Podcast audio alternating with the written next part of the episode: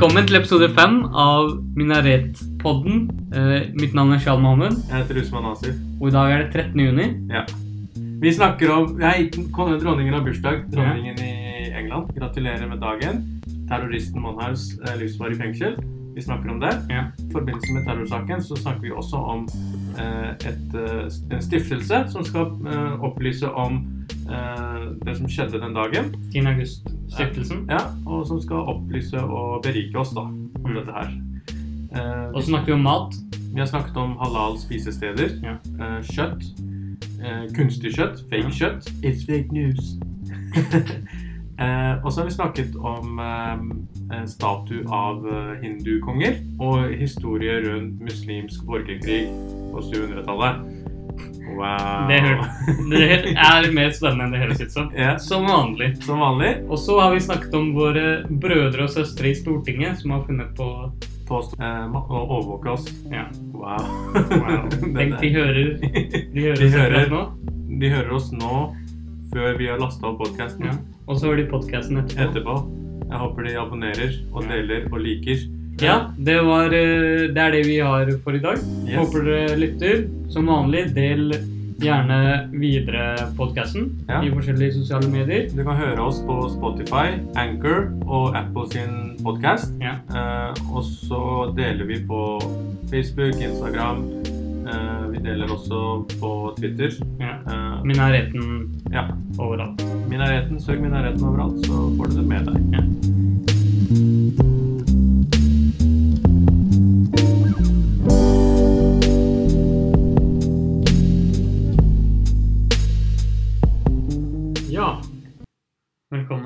Velkommen, meg. velkommen. Hvordan har det gått eh, hittil? Vi er i episode fem nå.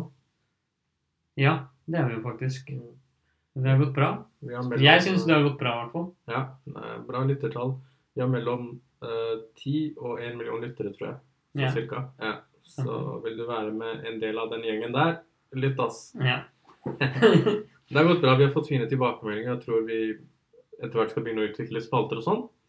Eh, Det ble også nevnt noe merch. Ja, men det er tidlig stadig. La Tidlig stadig. eh, Skal vi holde det ja, hemmelig? tan tankene er der. Ok, vi holder det hemmelig. Mm.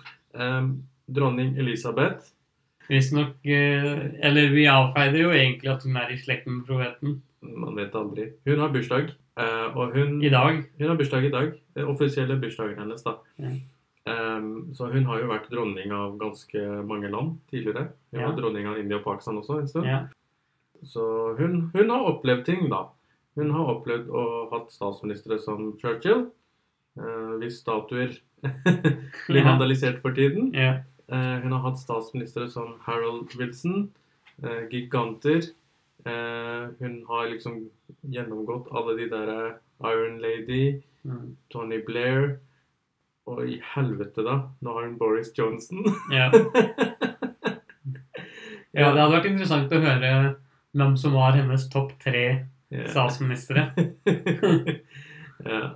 Boris Altså, jeg håper du får opplevd en tid hvor Boris ikke er statsminister, som bare for å liksom sette en avslutning på det kapitlet. Hun har regjert eh, Hun er kanskje den Hvor gammel blir hun? Jeg husker ikke. Hun er i hvert fall den lengstsittende monark, levende monarken nå, tror jeg. Muligens. Ja, kanskje. Um, så gratulerer med dagen, da. Gratulerer til dronning Elisabeth fra oss. Dronning. The Liz. The Liz. Ja. Så har det vært en oppdatering i forhold til Manshaus-saken. Det Mm. har kommet en dom. Torsdag mm. så kom eh, dommen. Mm. Men var det ikke? Det gikk veldig fort. Ja. Mm. Uh, utrolig raskt, egentlig. Ikke noe sånn om og men og ikke noe nye vurderinger. Ingenting. Nei. Uh, ikke noe dramatikk rundt det, egentlig. Um, og dommen ble jo, som mange kanskje hadde forutsett, 21 års fengsel med forvaring. Med, og minst 14 år, da. Ja. Så det er den strengeste straffen Strengere straff enn det Breivik fikk også.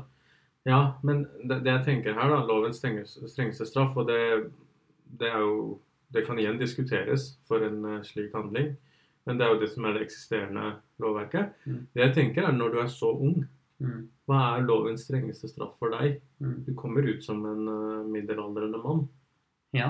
ikke sant? Mm. Du har liksom ikke mista så mye. Samtidig så Ja, hva, hva er det dette her kommer til å gjøre med han i fengsel til den dag han kommer ut? ja. det som er litt interessant, er jo at han har jo gått igjennom mange forskjellige faser i livet sitt. Han hadde en fase hvor han var veganer. Okay. Han hadde en fase hvor han var emo-godt. Okay. Ja. Uh, og nå, de to siste årene, har han hatt en ekstrem høyreradikal fase, Mm. kan du si. Ja. Uh, og han står jo ved de meningene fortsatt. ja, ja. Men det er litt som du sier når det går Når du er 22 år gammel nå, eller 23, Ja. og du sitter inne i 40 år, da. Ja. Så du kommer fortsatt ut igjen ja, ja. Og det er lenge før eh, den strengeste straffen. Mm.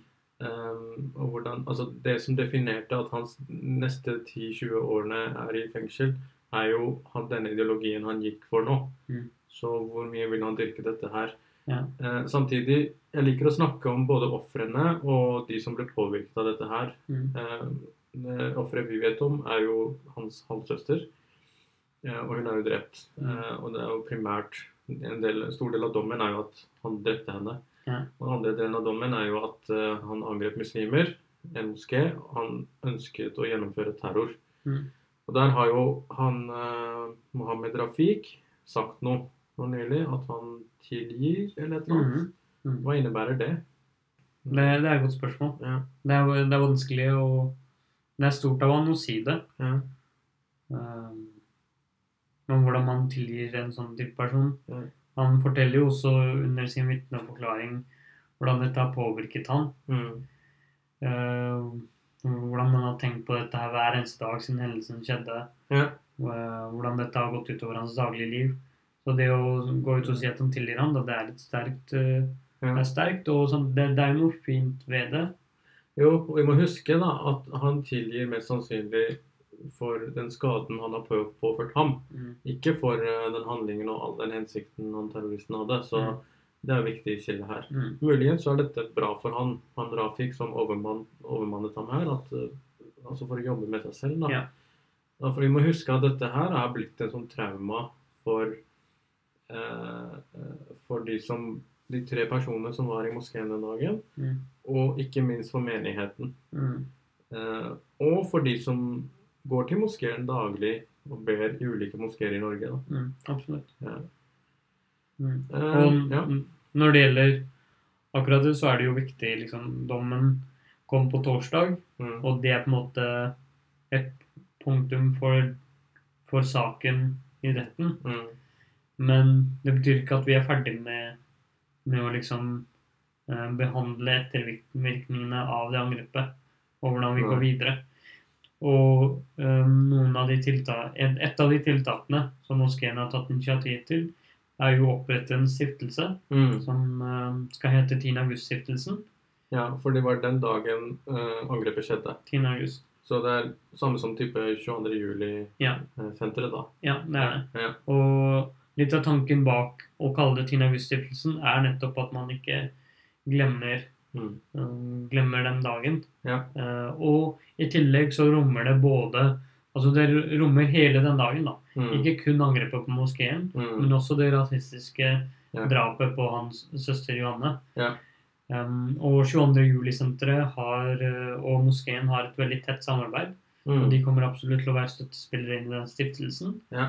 Men tanken da er å Fordi um, en ting er jo at dette her skjer nå. Og når vi snakker om denne hendelsen nå, så Mm. snakker vi om noe som snart kommer til å bli en del av historien.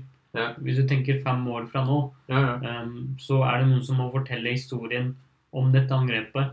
Uh, både selve dagen, omgivelsene rundt, Mm. um, hvordan klimaet var eh, i verden og i Norge på Ja. den tiden. Mm. Så for å huske alle de tingene, så er det, er det viktig at vi, vi tenker på dette allerede i dag, da. Men eh, jeg fikk også høre at eh, stiftelsen kommer også til å jobbe med å påvirke type handlingsplaner mot f.eks. hat mot muslimer. Mm. Eh, og der jobber de også med HL-senteret, som har veldig god erfaring med dette med antisemittisme og jødehat. Mm. Eh, Så dette, dette lover bra. Jeg føler at det, er en fin måte å bruke krefter og energi på for å Mm. motvirke noe sånt i fremtiden. Jeg håper de får eh, kred og anerkjennelse for arbeidet de gjør. Mm. At dette oppgår en, eh, en viktig ting som våre skolebarn er nødt til å se på Ja. eh, når de vokser opp. Mm. Um, og dette moskébesøk har jo nesten Nå er det blitt veldig vanlig. Og dette her i tillegg tror jeg vil gi veldig mye læring. da. Ja. Mm. Mm. Ja, det, vi nevnte jo Churchill og statue. Eh, så har det vært litt eh, snakk om hvilken statue som skal stå og ikke stå. Ja. Eh, men det har også vært en sånn liten debatt et annet sted i verden om man burde sette opp en statue. Mm. Faktisk, denne debatten er vel egentlig litt gammel, er Ja. ikke? Jo, jo. Og har oppstått liksom siste året. Um, og vi skal til eh, ehm, Sør-Pakistan, Ja. i provinsen Sind. Um, Sind er provinsen som egentlig har gitt eh, eh, subkontinentet navnet. Mm. Sind uh, er og Indus det er to ord som henger sammen. Okay. Og India kommer derfra, og okay. hindu kommer også derifra. Fra Sind? Ja, Mm. Sindu. Ja. Så det, det, Sind er en veldig viktig provins Ja. i sørasiatisk sammenheng. Så vi skal både til uh, Sind, Ja. og så skal vi litt tilbake i tid.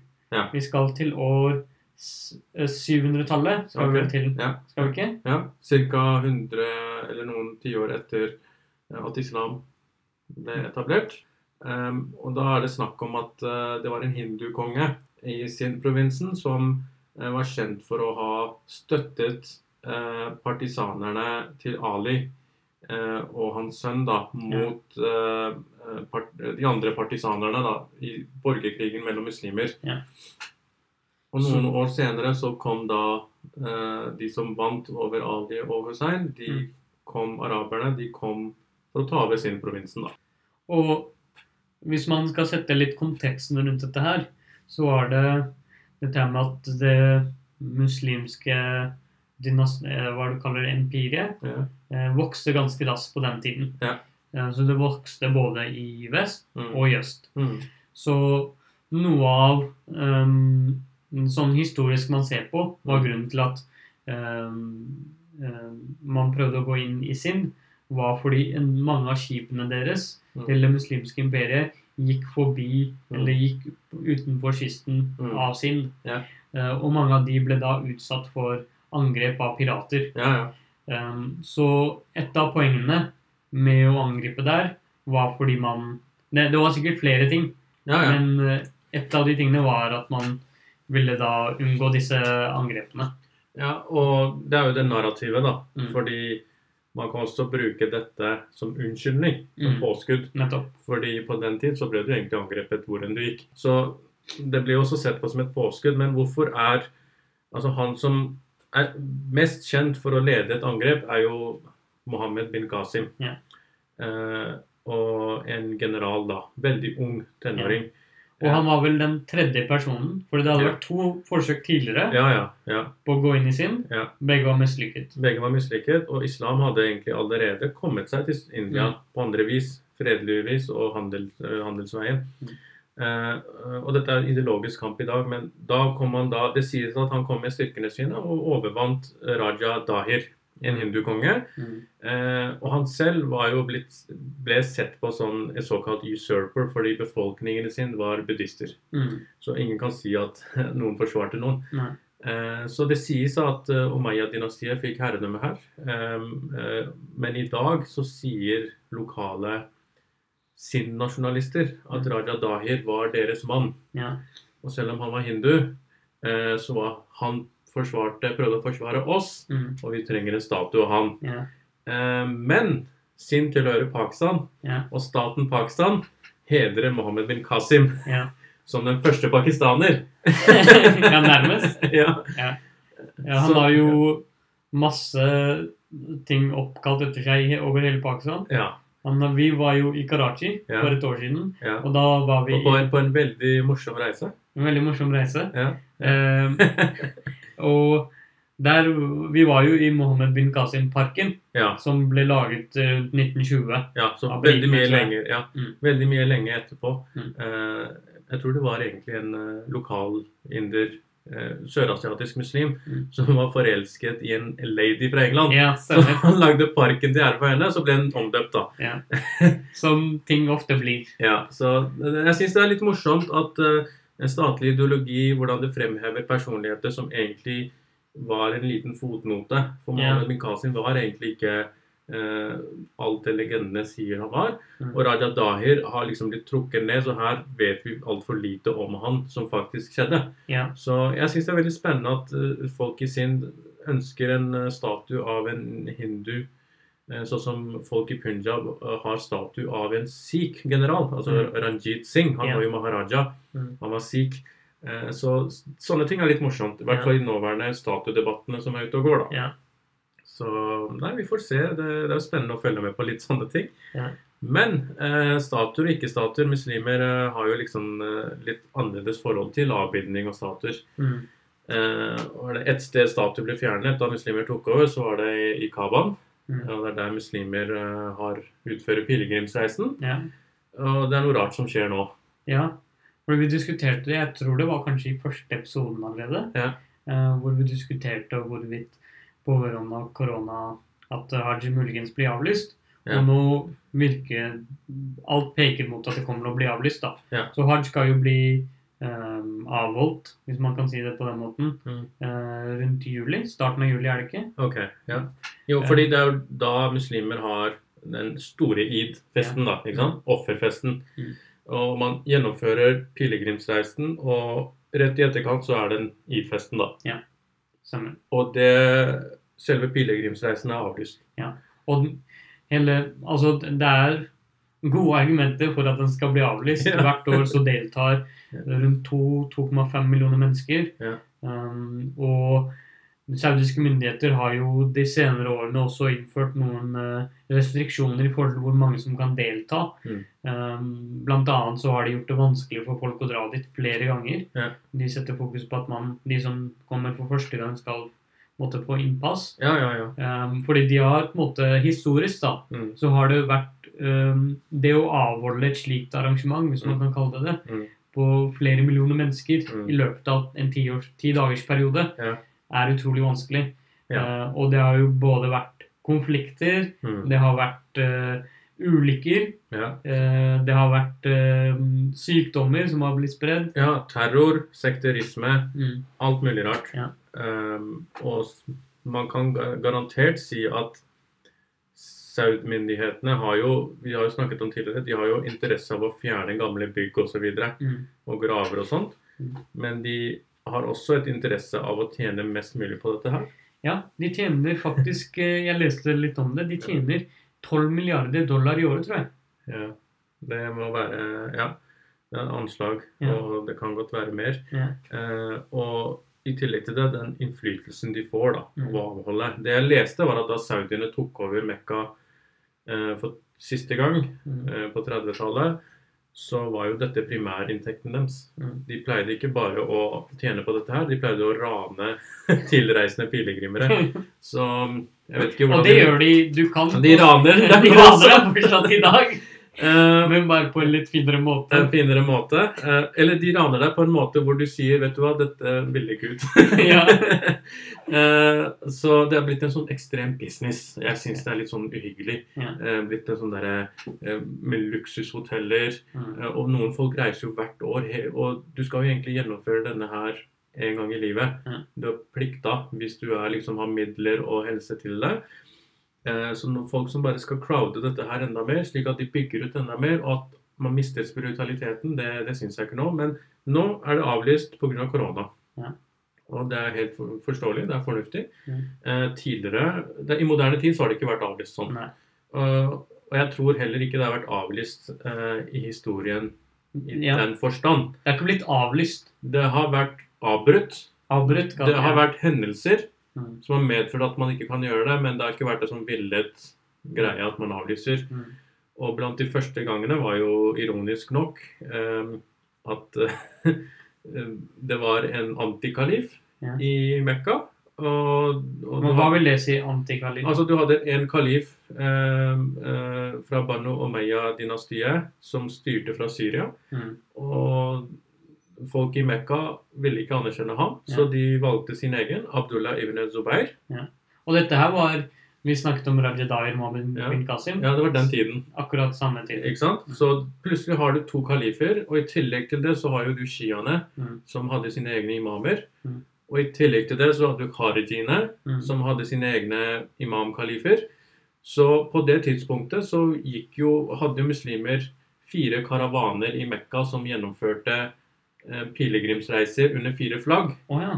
Eh, men så ble jo denne borgerkrigen oppsto jo mellom Abdullah ibn Zubair eh, og Umayya. Så umayyaene kom, angrep Mekka, brant byen, eh, gikk tilbake. Abdullah ibn Zubair klarte seg. Så skjedde det igjen noen år senere, og da kom jo type onkelen til Mohammed bin Qasim, Mm. Hajaj ibn Yusuf. Og han angrep. Han kastet katapulter og alt sammen. Og han var jo venstre, eller høyrehånda til kalifen på det tidspunktet. Ja, så han styrte faktisk veldig mye, og han var brutal. Han var kjent for brutaliteter. Eh, Nå vet vi ikke om det er overdrivelser Ja. eh, fordi motparten osv. Eh, har i hvert fall ikke noe særlig positivt syn. Eh, Men det som er kjent, er at han angrep Mekka og Medina. Han ødela muren til Kaaba, Mm. eh, og hajj selvfølgelig ble avbrutt. Avbrutt. Abdullah ibn Zubair ble drept. Mm. Eh, grunnen til at jeg nevner Abdullah, er jo at han er en figur som verken shiaer og sunnier nevner så mye. Mm. Men begge har liksom ikke så mye negativt å si om han. Ja. Det er bare at han, han krevde politisk makt, Ja. eh, og han sa at kalifen i Damaskus er urettferdig. Mm. Eh, og det mener jo shiaene også. Så Ja. jeg syns denne delen av historien er viktig å få frem. Og kalifen på det tidspunktet var heller ikke Historisk sett så har det ikke blitt skrevet så mye om han. Det har vel skrevet, blitt skrevet mer om Hajjaj eh, ibn Yusuf enn Ja. det har blitt skrevet om kalifen. Ja, så kalifen eh, var jo nødt til å ha så mange allianser at han mista ganske mye makt. Mm. Så folk som Hajaj fikk jo mye makt Mm. pga. på grunn av disse alliansene. Mm. Eh, det er litt viktig å se litt i historien. fordi på den tid så var islam teologisk ikke så inndelt. Mm. De, de situasjonene og posisjonene som medførte borgerkrig, var politiske eh, plasseringene. Mm. Og du må tenke at disse hendelsene medførte at man endret seg. Mm. At teologien endret seg. Og det vil ikke si at sunni-islam på det tidspunktet var noe standard heller. Det var også noe som oppsto som følge av disse endringene. Så det er så interessante ting. Mm. Eh, Det har også vært sagt at eh, da Abdullah ibn Zubair eh, styrte Mekka og Medina og store deler av Persia, til og med kanskje Egypt også en liten periode, at uh, Umayya-dynastiet i Damaskus ikke klarte å sende sine karavaner dit, så de heller gjennomførte hajj i Jerusalem. Ja. Og Det er en sånn tvilsom eh, diskusjon, eller en sånn tvilsom kilde til det, men det sies at det blir gjennomført. Mm. Um, så historien er litt morsom og interessant. Og bare for å runde av Mm. Mohammed bin Qasim, som blir veldig feiret eh, i Pakistan Mm. han, Da han gikk bort eh, Han døde jo ikke en normal, på en normal måte, kan du si. Nei, la oss si, du, det er ikke normalt å dø i en tønne. Det er ikke det. Nei. Det som skjedde, var vel uh, at kalifen Ja, ble byttet ut, ja, med, og så var det en ny kalif. ja, Med broren sin, Ja, som kom til makten gjennom en annen allianse. ja. Så Hajar mista jo makten, og Qasim var nevøen hans. Mm, Så disse generalene ble kalt tilbake og drept. ja. Så nei, det er interessant. Helter. Helter. Helter. Ehm, ja, apropos type å dø i tønner. Halal spisesteder. Klarte jeg overgangen, eller? Nei, jeg tror, jeg tror den var fin. da. Ja. Spørs. Jeg snakket med en venn av meg, Iyad al-Baghdadi, eh, aktivist fra Midtøsten, bosatt i Oslo. Han snakket om sånn organic eller grown meat, Mhm. et eller annet sånt. Har du hørt om det? Ja. Ja, at, liksom, at man gror kjøtt. Ikke sant? Man avler ikke dyr, men man gror kjøtt kjemisk, et eller annet sånt. Man, eh, man gror det, eller man lager det Man lager kunstig vis. kunstig kjøtt, Ja. da. Eh, han snakket om det, og at, uh, han mente at det vil i fremtiden bli normalen. Ikke Ja. sant? Og selvfølgelig tenker du på miljø og dyrevelferd og sånn, Mm. så er jo selvfølgelig det et alternativ vi må gå for. Ja. Fordi vi vet jo hvordan dyr behandles. Og i tillegg er vel kjøttproduksjon er vel det mest forurensende Ja, eh, industrien i verden. ja. Mm. Og det er en fin kilde til næring, Mm. eh, men det, det opptar altfor mye av den kvota på forurensningsskala. Så da nevnte jo han at det vil være en diskusjon blant muslimer også om om det i det hele tatt å slakte kjøtt er etisk riktig. Mm. Fordi muslimer har jo hatt diskusjoner om slaveri eh, kan forbys i det hele tatt. Ja. Selv om man skal behandle slaver som godt og ikke godt. Mm. Så selv om slaveri i dag er forbudt, så er det ikke forbudt fordi, fordi det er en åpning for det. Men man, man vil bare ikke snakke om det. Og det samme gjelder om kjøtt blir avleggs. Er det noe som kan bli forbudt? Det er sånne store teologiske diskusjoner muslimer sliter litt med. da. Mm. Og der tror jeg det kommer til å være noen sterke parter som kommer til å være imot det. Sånn som Og deg. Blant annet nei. meg. Ja. Ja, jeg, jeg har til gode først å smake på det kjøttet. Ja, faktisk eh, smakt det. De, de, De selger det jo i helt vanlige butikker. Ja. Jeg tror det, det er i hvert fall et stort selskap som driver med det. Beyond Meat heter det. Okay. Som har vokst eh, helt enormt som et selskap. Ja. Og det kjøttet smaker veldig bra. Men, men hva kan man kalle det er, altså La oss si det er muslimsk teologisk sett. Mm. Fordi vi er jo, Muslimer er veldig opptatt av om kjøttet er slaktet halal eller ikke. Mm. Er dette noe som trengs å verifiseres å være halal? Altså, det, det er jo ikke per se kjøtt, da. Nei, så da Det er er det på en måte. Ja, Så da er det ikke en levende eh, et levende dyr. Nei, det er du, dyr. kan, du kan kalle det noe annet. Du kan kalle det noe som ligner veldig på kjøtt. Ja, Så eh, kriteriene må vel egentlig være at så lenge det ikke er produsert med noe, Ja. um, med noe eh, stoffer fra, Ja. uh, fra noe kjøtt eller fra noe okay. dyr, ja. så er det det, er, det blir jo som vegetar, da. ja, ikke sant? Mm. Nei, Det blir interessant. Fordi det har jo vært litt diskusjoner rundt uh, halal spisesteder. Ja, Det har kommet en Facebook-gruppe oh, ja, ja. som heter Halal spisesteder i Norge. Okay, Ok. Ja, Og det er også en Instagram-kanal, okay. eller en konto, som er noe lignende, men ikke like bra, da. Ja. Ehm, og vi har jo um, I mange år mm. så har muslimer på en måte hatt et dilemma her i Norge. ja. Um, at det ikke finnes så mye bra spisesteder. Så ofte når vi drar til London, vi drar til andre steder rundt om i verden, Ja. hvor det er et større på en måte, utvalg av halal spisesteder, ja. så er vi veldig på en måte og i London. I London skal vi gå og spise på Subway Ja. og alt mulig rart. Eh, For der er det halal. Men i Norge nå, de siste årene, har det jo blitt ganske mange etter hvert. Mange. Og så har vi vegetaralternativer. Eh, Ja, men jeg tenker eh, det har blitt eh, stort utvalg blant ikke-vegetarer også. eh, muslimer spiser så mye kjøtt, Ja. altså. helt ærlig. Ja. Ja. Men ok, så det, det, den siden der snakker om halal utesteder. Eh, ikke utesteder, men spisesteder. eh, det er en annen diskusjon, utestedene. Eh, halal spisesteder. Men jeg synes det, det er litt sånn, litt sånn eh, Kanskje man må være litt forsiktig med å oute der ute om man føler om noen er halal eller ikke. Ja, ja. Eh, fordi dette påvirker omsetningen. Mm. Og du, det er ikke alltid sikkert at eh, eh, om du hevder at noe ikke er halal, at de ikke selger halal. Mm. Primært fordi at uh, noen av disse uh, restaurantene vil jo ikke være en del av IRN sitt halalsertifiseringsregime. Ja. Mm. eh, fordi de mener at dette koster litt for mye penger. ja. Så når de ikke er med på det, så blir de litt sånn sett på som suspekt. Ja. Ja. Men jeg tror det har endret seg litt de siste okay. årene. Ok. Eh, Det har jo dukket opp i hvert fall én leverandør, den, de som heter Nortura. Ja. Og jeg tror ikke de er Jeg vet ikke om de er halalsertifisert av Irene eller ikke. Og Ytterøy, Ja, Ytterøy. Ytterøy har jo Ja.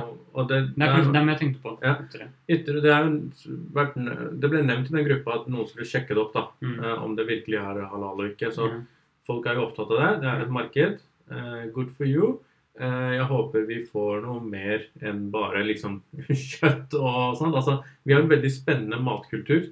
eh, og det er mye spennende som skjer på kjøkkenfronten. da. Mm. Eh, vi har kommet mye lenger enn fusion-kjøkkenet. Mm. Så jeg håper liksom vi får liksom innført noen kule retter derifra. da, At Ja. muslimer også er med på. Mm. eh, Men har du noen anbefalinger i forhold til halal spisesteder i Oslo? Um, Skal vi si tre stykker? Uh, du tenker sånn type kebab-greier? Nei, halal spisesteder. Restauranter. Ja. Uh, jeg var på Nå nylig var jeg på uh, Rice Bowl Ja. uh, borte ved um, i sentrum. Ja. Nye lokaler. Fresht. Veldig bra mat, altså. Ja. Thaimat. Ja. Så det kan jeg anbefale. Mm. Jeg kan anbefale Gangnam. Det er Gangnam. koreansk restaurant okay. på Vika som er halal. Fantastisk mat. Ok. Utrolig godt. Ja. Og litt annerledes enn på måte, vi, spist, vi har spist mye pakistansk og tyrkisk. Var du, betalte du for det, eller ble det påspandert? Nei, jeg har betalt for det flere ganger. Å, oi. Eh, Ja, det og ja. Det er så bra. Eh, og eh, et annet spisested som heter Seaport Mm. på Hva er det heter der borte på Bjørvika der? Ja, nå som dere, Søringa. dere som ikke ser oss, Sean driver og vifter med hånda nordover, og han prøver å snakke om Sørenga. Eh, så Men eh, alle veier leder til Søringa. Men ja, Ja, ja. også veldig bra. ja. ja, jeg anbefaler eh, eh, en fin en. Sjøsiden. Mm. Den er vel åpen til august-september. Bare sjømat. Og det er så interessant, fordi eh, Hanafi sunnimuslimer de er litt sånn skeptiske til sjømat. Eh, og mens shafi-muslimer, sunnimuslimer, de er veldig åpne. Og hvis du ser på kartene, så shafi-muslimer bor langs kysten. Mm. Og Hanafi bor liksom i innlandet og sånn. så, Så da forstår du skepsisen. det er liksom så rare diskusjoner, da. Ja. Hva som er halal og ikke når det gjelder sjømat. Ja. Og hvis det er noen restauranter som vil ha shout-out fra oss, Ja. det eneste vi ber om, er en gratis, uh, gratis middag. ja ja, og litt flos. Altså bare vips over. Litt penger. Ja. Litt flos, det, det skader Ja. ikke. Mm. Um, ja. Eh, vi nevnte så vidt dette med slaveri, og det Mm. ønsker jeg bare å snakke litt mer om. Fordi dette her er jo liksom kjølvannet av Black Lives Matter. Ja. Slaveri, eh, slaverifolka som hadde statuer. Ja. Og vi snakker jo nå om reparations. Eh, reparations, som jeg håper det blir mer snakk om. Ja. Vi nevnte det forrige episode, og jeg håper vi kommer dit. Ja. Og jeg håper også at disse statuedebattene medfører at folk lærer litt mer Mm. om folk eh, som det er satt opp statuer av. Eh, Asle Toje, som sitter i Nobelkomiteen, sa noe veldig jeg vil, jeg vil si noe veldig stygt nå her om dagen. Mm. Det var visst en eller annen eh, aktivist av marokkansk opprinnelse bosatt i Norge som kritiserte disse slaveeierne og at det er stater av dem. Og han klarer å respondere med å si at du, som er av marokkansk opprinnelse, visste du at Marokko var sent ute med å avskaffe slaveri? Og du var inne på, på dette med guilt by association Mm. siste episode. Hun har jo ikke nevnt en shit om Marokko. Mm. Hvordan vet du hva hun mener om det? Ja. Vi snakker ikke om det engang. Mm. Men når vi først snakker om det De sier at de, Dette her er folk som er blitt så på De Mm. sier at England var tidlig først ute med å Ja, avskaffe ja. slaveri. Mm. Og det var vi som liksom kjempet Da vi måtte kjempe mot Napoleon, Ja. så måtte vi sende krigsskip for å hjelpe slavene. Ja, ja. Bitch, please. Bitch, please. Jeg føler vi burde ha et, s- en spalte som heter Bitch Please. Bitch, please. Ja. uh, ja, selvfølgelig. Fordi hvor, hvor er dette dette her kommer fra, denne arrogansen? Mm. Haiti, som var under fransk styre, Mm. øy i Karibien, de kjempet mot eh, fransk herredømme og gjorde opprør mot slaveri og avskaffet slaveri lenge før England gjorde det. Mm. Nummer én. England prøvde å kjempe imot Mm. og straffe dem for at de gikk i opprør. Mm. Så dette var den første suksessfulle slaverevolten. Og hvis du vil lese på det, så har f.eks. Kenal Malik fra Storbritannia skrevet masse om dette her. Det er masse tilgjengelig informasjon om dette, her, så ikke si at dette her ikke finnes, og du ikke kjente dette her. Mm. Ikke prøv deg engang. Mm. Ikke prøv deg å forherlige folk og situasjoner og ba- bare for å liksom vinne et argument. Ja, men dere hadde slaver så og så lenge. Vi anerkjenner Jeg anerkjenner det problemet som et helvete, Mm. men anerkjenner ikke løgn. Ja. Og er vi på det, så har muslimer og muslimsk historie stor historie om dette med slaveri, dårlig behandling av mennesker, salg og kjøp av mennesker og menneskehandel, prostitusjon. Mm. Dette er ting muslimer må belyse. Mm. Fordi i dette, i dette bildet her, Black Lives Matter og slaveri og reparations, så er det mange skurker. Mm. Absolutt. Og det er ikke sånn at mine skurker er ikke skurker, og dine skurker er skurker. Det er slik Asle Toje og sånne mennesker snakker. Mm. Vi snakker om overgrep fra alle kanter som vi må snakke om. Ja. Og det vil være krav om reparations, og det er fullt forståelig. Så her har vi en stor jobb å gjøre, da. Ja.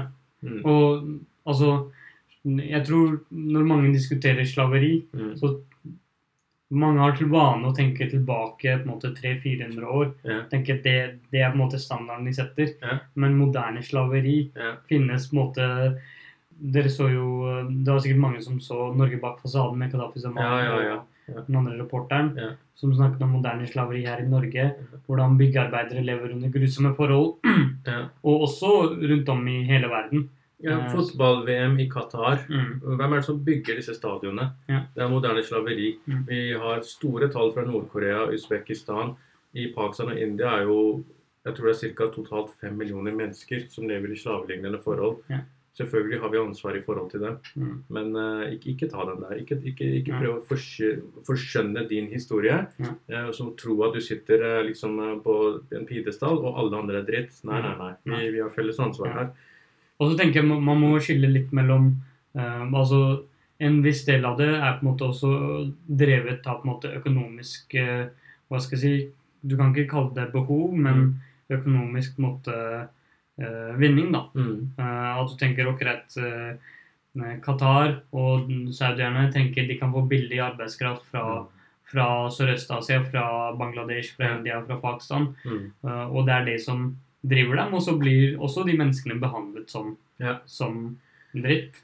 Ja, Eh. eh, og der ser du store forskjellen mellom eh, hva et demokrati er, og hva, hva en autoritær stat er, Mm. i forhold til rettigheter. Mm. Ikke bare innvandrere, men liksom folk med minoritetsbakgrunn. Mm. Hva vi har kjempet frem, og hva vi prøver å kjempe for fremtiden. Ja. Det er litt viktig. Ja.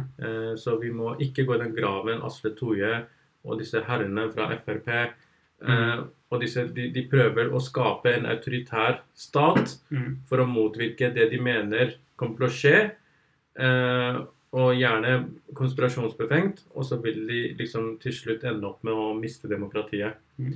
Uh, Ja. vi, må, vi må advare mot slike utviklinger. Ja. Uh, vi kan ikke miste det som har skapt så bra samfunn. Ja. Og vi ønsker å eksportere det. Mm. Um, og en fin overgang fra den diskusjonen Ja. er jo til noe som har skjedd eh, på Stortinget den siste uka. ja, det er du veldig interessert i. Og det er eh, denne loven om masseovervåkning. Hvorfor er du Eller- så bekymret? Har du noe å skjule?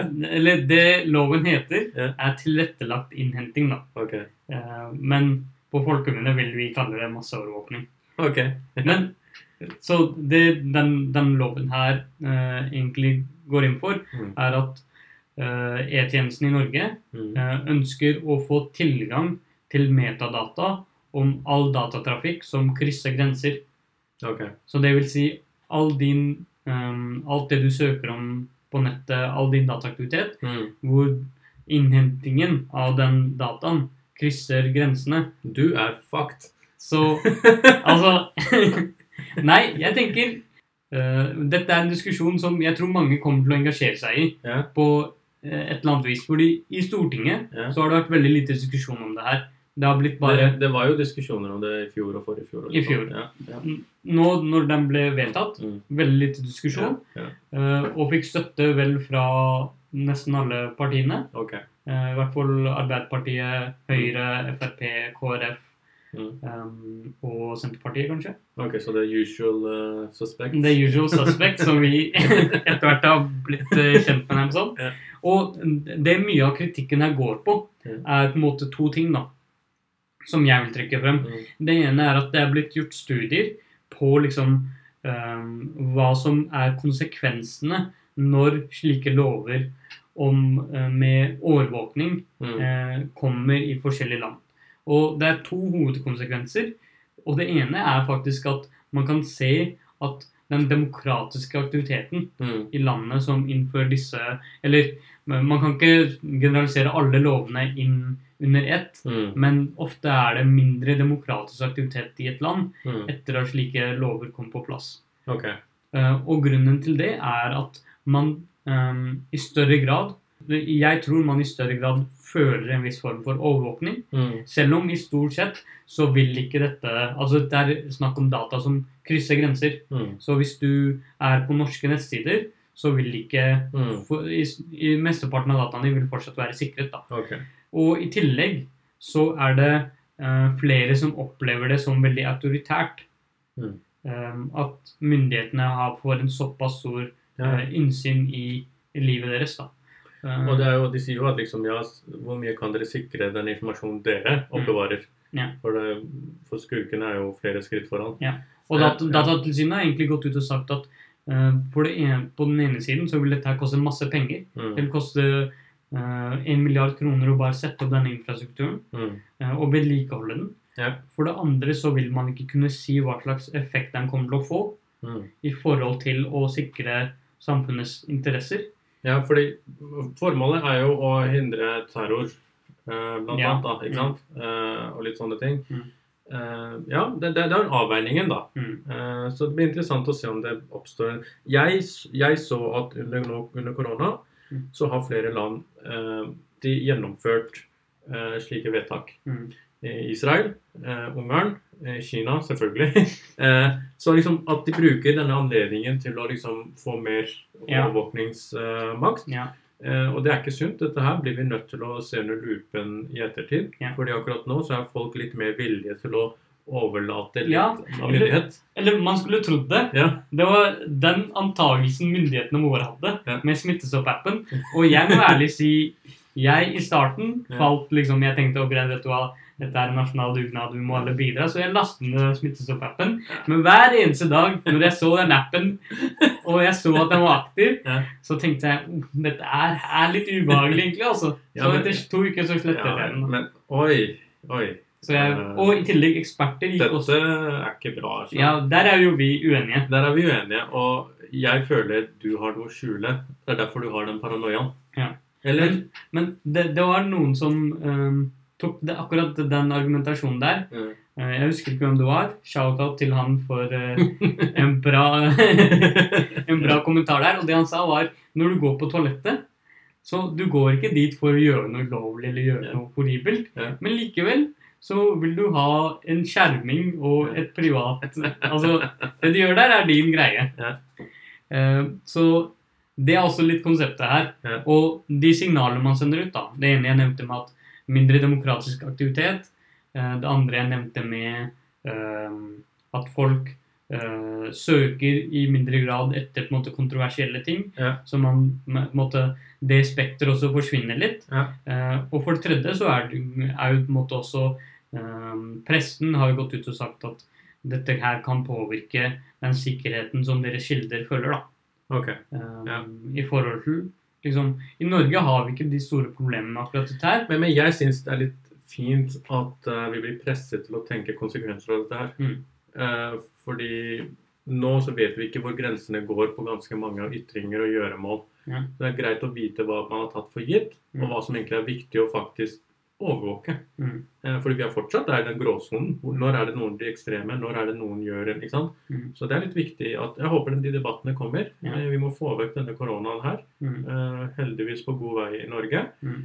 Eh, mulig, da. Jeg tror vi kan kanskje unngå en bølge nummer to. Men jeg håper vi øker frekvensen med tester, da. Ja. Så håper jeg disse debattene kommer. Ja, og for, fordi jeg tenker at i den digitale alder som vi lever i nå, Mm. og denne pandemien som forkynner Ja, eh, mange av de digitale måte, Mm. prosessene blir jo eh, Fremskyndet. fremskyndet Ja. med ganske mange år. Ja. Eh, og vi har andre arbeidsvaner. Vi andre vaner, liksom, vi etablerer andre vaner i forhold til hvordan vi skal sosialisere oss og den type ting. Ja. Og denne loven her står egentlig ganske i sentrum av mm, måte, mye av de ja, eh, aktivitetene der. da. faktisk. Mm.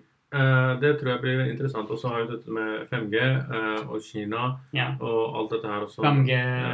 aka kreft eh, og korona, koronakonspirasjonen. Ja. Jeg syns vi må Når vi er jo snart ferdig med dagens episode, Ja. sånn, sånn avslutningsvis, da, så har jeg to ting. Og det ene er dette med eh, lagring Mm. og oppta plass på servere. Hvor miljøvennlig er dette her? Mm. Hva kan slettes?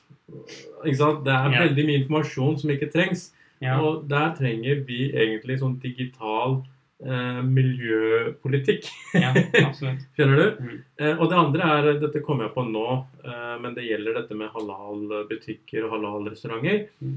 Eh, for noen år siden, da IS var på fremmarsj, så ble det kjent at eh, jesidier, en religiøs og etnisk gruppe, ble drept av IS. Mm. Dessverre eh, så ble det snakk om at en restaurant eh, i Oslo eh, som solgte halal pizza, Mm. også hadde en jezidi ansatt. Mm.